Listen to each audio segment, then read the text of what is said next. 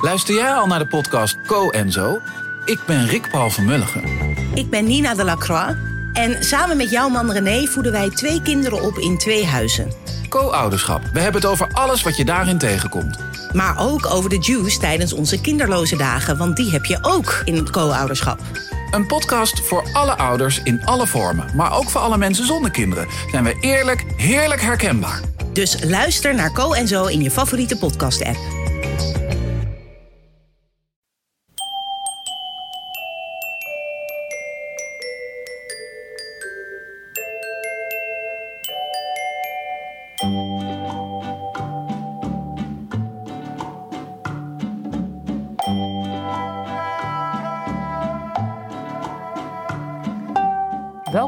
Aflevering 96 van de Echt Gebeurd podcast, waar waargebeurde verhalen worden verteld door mensen die ze zelf hebben meegemaakt. In deze podcast een verhaal van Johan Gozens. Het thema van de Echt Gebeurd middag was aan en uit.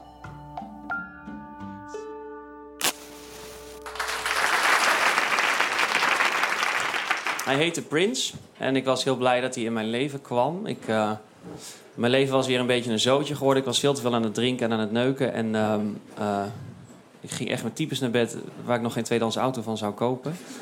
Ehm, ik zat de hele dag op Grindr. Ik weet niet of je Grindr kent, zo'n homo-app. Dan zie je al je homo's in de buurt en dan mag je zo'n gesprekje dan mee hebben van neuken. Ja, neuken. En, eh, en mag ik je adres en dan het adres. En... eh, en zo leerde ik hem ook kennen via Grindr. Maar het was niet alleen leuk, het was ook een, echt een hele leuke jongen. En hij was heel lief en heel rustig en hij kwam uit Ghana. En ik heb ook een tijd in Ghana gewoond. Dus dat was meteen een klik. We gingen Ghanese eten en Ghanese praten. We spraken Twi tegen elkaar. Eh, als ik eh, iets liefs zou zeggen, zei ik niet wat ben je mooi. Dan zei ik, hoe je fjopa papa.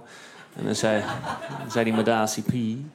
En ehm, het was heel leuk, jongen. Hij, was, was zo, hij bracht een soort rust in mijn leven die ik helemaal niet had. Hij, hij, hij zei altijd, ik wil een simpel leven. Ik wil gewoon naar mijn werk. Hij werkte op de Universiteit van Groningen. En daarna wil ik eh, lekker eten. En dan wil ik tv kijken. En dan wil ik mijn tanden poetsen. En dan bidden. En dan naar bed. En eh, dat bracht wel enorm structuur in mijn leven. Want dat was niet mijn eh, structuur. En... ehm, en ik vond eigenlijk alles leuk aan hem. Weet je. Zelfs als hij een saai verhaal vertelde, dacht ik... ach, wat een schat met zijn saaie verhaal. ja, of als we in een vliegtuig zaten, dan ging hij, ging hij weet je, zo'n in-flight magazine helemaal van kaf tot kaf ging hij dan spellen.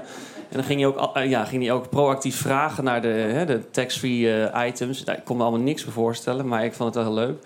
En, ehm, en het, was, het enige jammer was dat hij best vaak moest reizen. Hij moest vaak eh, moest hij weg, voor zijn werk ook.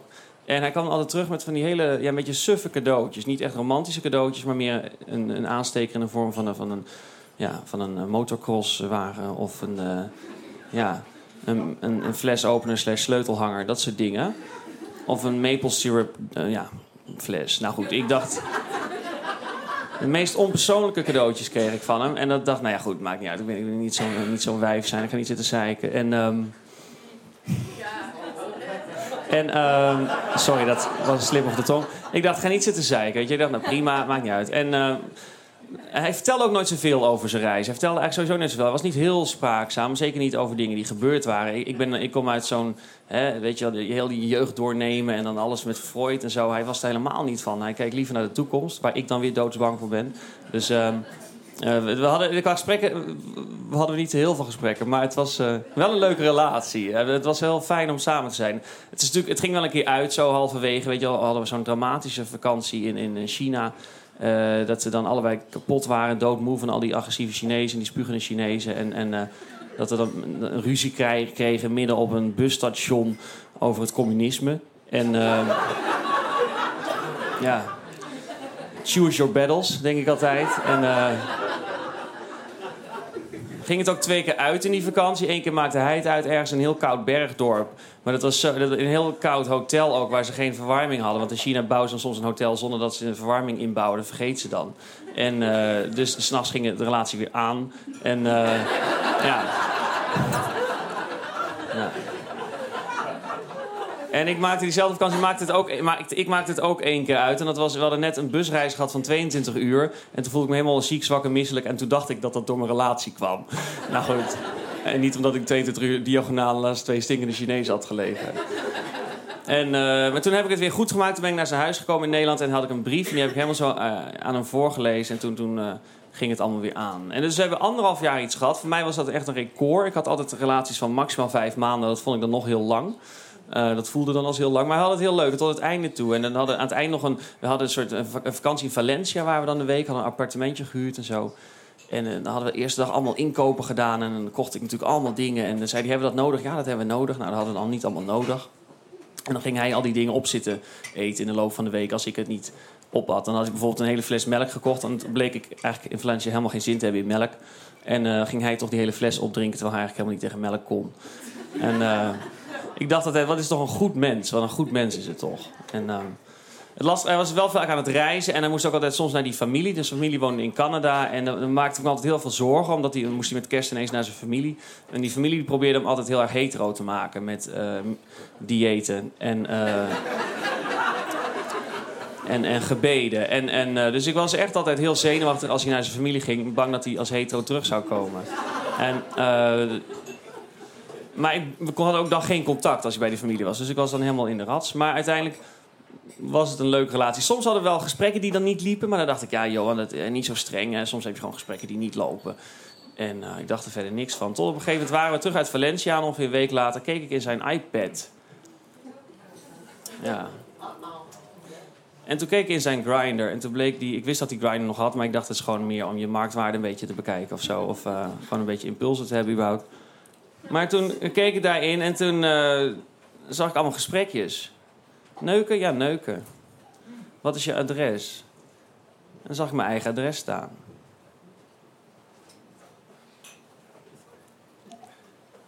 En daarna zo'n zinnetje... Ja, my boyfriend is not here.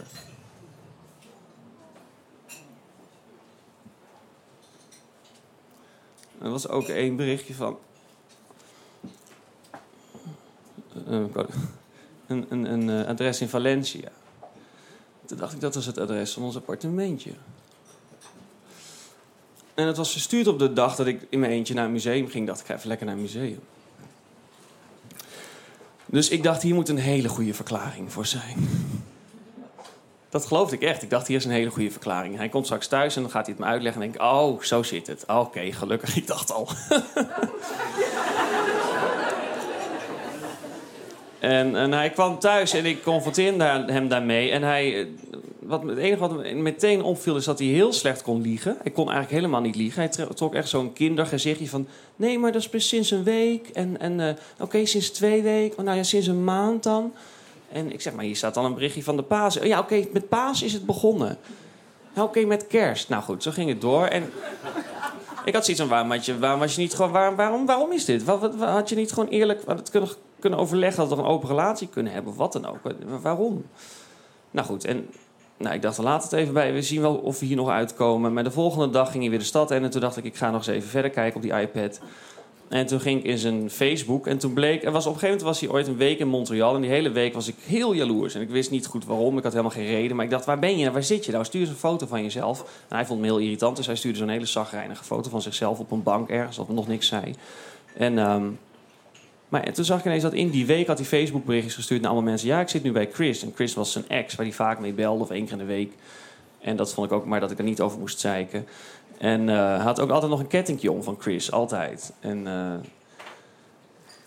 nou goed, ik dacht, hé, Johan, niet zo moeilijk doen. En uh, ja.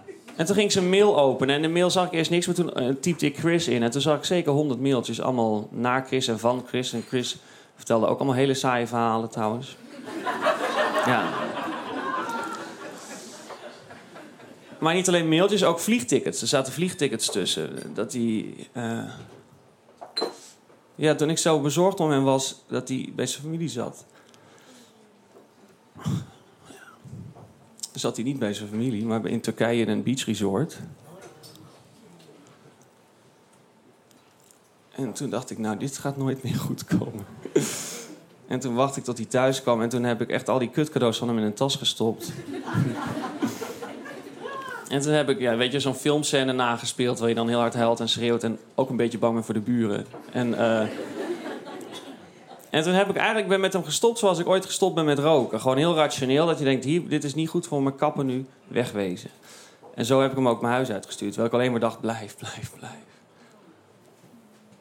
En uh, hij is nog een paar keer bij me langsgekomen. En op de een manier, drie keer of zo heb ik hem nog gezien. En je hoopt altijd dat iemand dan een verklaring geeft. Waardoor je denkt, oh, daarom. Nee, dan snap ik het. maar dat lukte helemaal niet. Sterker nog, hij, had helemaal, nee, hij leek het zelf ook helemaal niet te begrijpen. Hij zei, van, ja, hij zei zelf ook tegen mij van... Ja, denk je dat ik dit ooit nog een keer ga doen? Ik zeg, nou ja, dat weet ik niet. Maar ik zou het niet kunnen. En ik heb hem echt uit mijn leven gebannen. Gelukkig ging hij uiteindelijk emigreren naar Abu Dhabi. Daar was ik heel blij mee. Want het was toch een beetje... Zolang hij nog in Nederland was, was het alsof ik gestopt was. Maar ik had nog wel een pakje in mijn kamer. En... Uh, ik kijk nu soms nog één keer per maand op zijn Twitter-account. Zoals ik soms nog wel eens ruik aan een sigaret. Ja.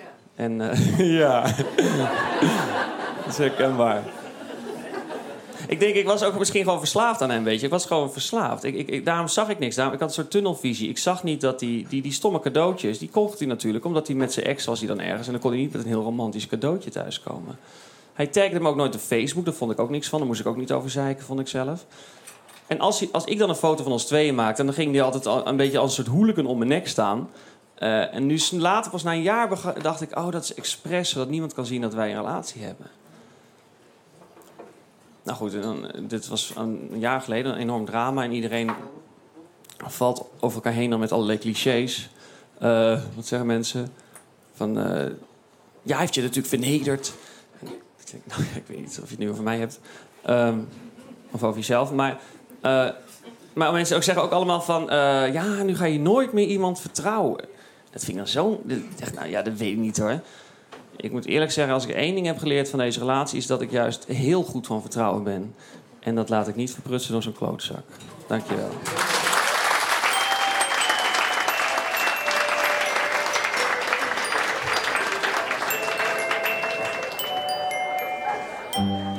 Dat was het verhaal van Johan Goosens. Johan is cabaretier en hij toert momenteel door het land met zijn voorstelling Daglicht. Ook schrijft hij erg leuke columns over zijn werk als leraar op een ROC. En die columns zijn dan weer gebundeld tot een boek met de titel Wie heeft er wel een boek bij zich? De Echt Gebeurd podcast wordt maandelijks opgenomen in Toemler onder het Hilton Hotel in Amsterdam. Kom ook eens vertellen en meld je dan aan via www.echtgebeurd.net. Het is spannend, maar ook leuk en we helpen je. Als je als publiek aanwezig wilt zijn, dat kan ook, maar pas weer na de zomer in september. De redactie van Echt Gebeurd bestaat uit Micha Wertheim, Eva-Maria Staal en mijzelf, Paulien Cornelissen. Rosa van Toledo doet de productie en de techniek is in handen van Nicolaas Vrijman. Dat was aflevering 96 van de Echt Gebeurd podcast. Like ons op Facebook, volg ons op Twitter of geef deze podcast een positieve rating op iTunes. Of laat allemaal maar zitten en ga eens wat energie steken in je relatie. Hup, ten liefde. Tot de volgende podcast. Hier is Micha nog even met een korte boodschap. Van 27 tot 31 juli organiseren wij van Echt Gebeurd samen met CREA in Amsterdam een vijfdaagse cursus verhalen vertellen. Die wordt afgesloten met een vertelavond. Studenten betalen 140 euro, oud-studenten van de Universiteit van Amsterdam en medewerkers betalen 210 euro en anders kost onze verhalenvertelcursus 280 euro. Maar dan krijg je ook vijf dagen om te leren vertellen volgens de regels die wij hier op de podcast gebruiken. Ga naar echtgebeurd.net voor meer informatie of geef je op via crea.uva.nl slash zomercursussen. Dus als je vijf dagen bezig wilt zijn met verhalen vertellen, ga dan nu naar de website. Zo, dat was een heuse reclameboodschap. En nu we meer dan 170.000 downloads hebben, is het misschien ook tijd om eens op zoek te gaan naar een echte adverteerder. Dus als u of uw bedrijf echt gebeurd wil sponsoren in ruil voor een advertentie op onze podcast, stuur dan een mailtje naar info@echtgebeurd.net. Dan uh, proberen wij er samen uit te komen. Sponsoren zonder reclame mag natuurlijk ook, maar daar komen we in de toekomst nog een keertje op terug. Prettige zomer en wie weet, tot bij Crea.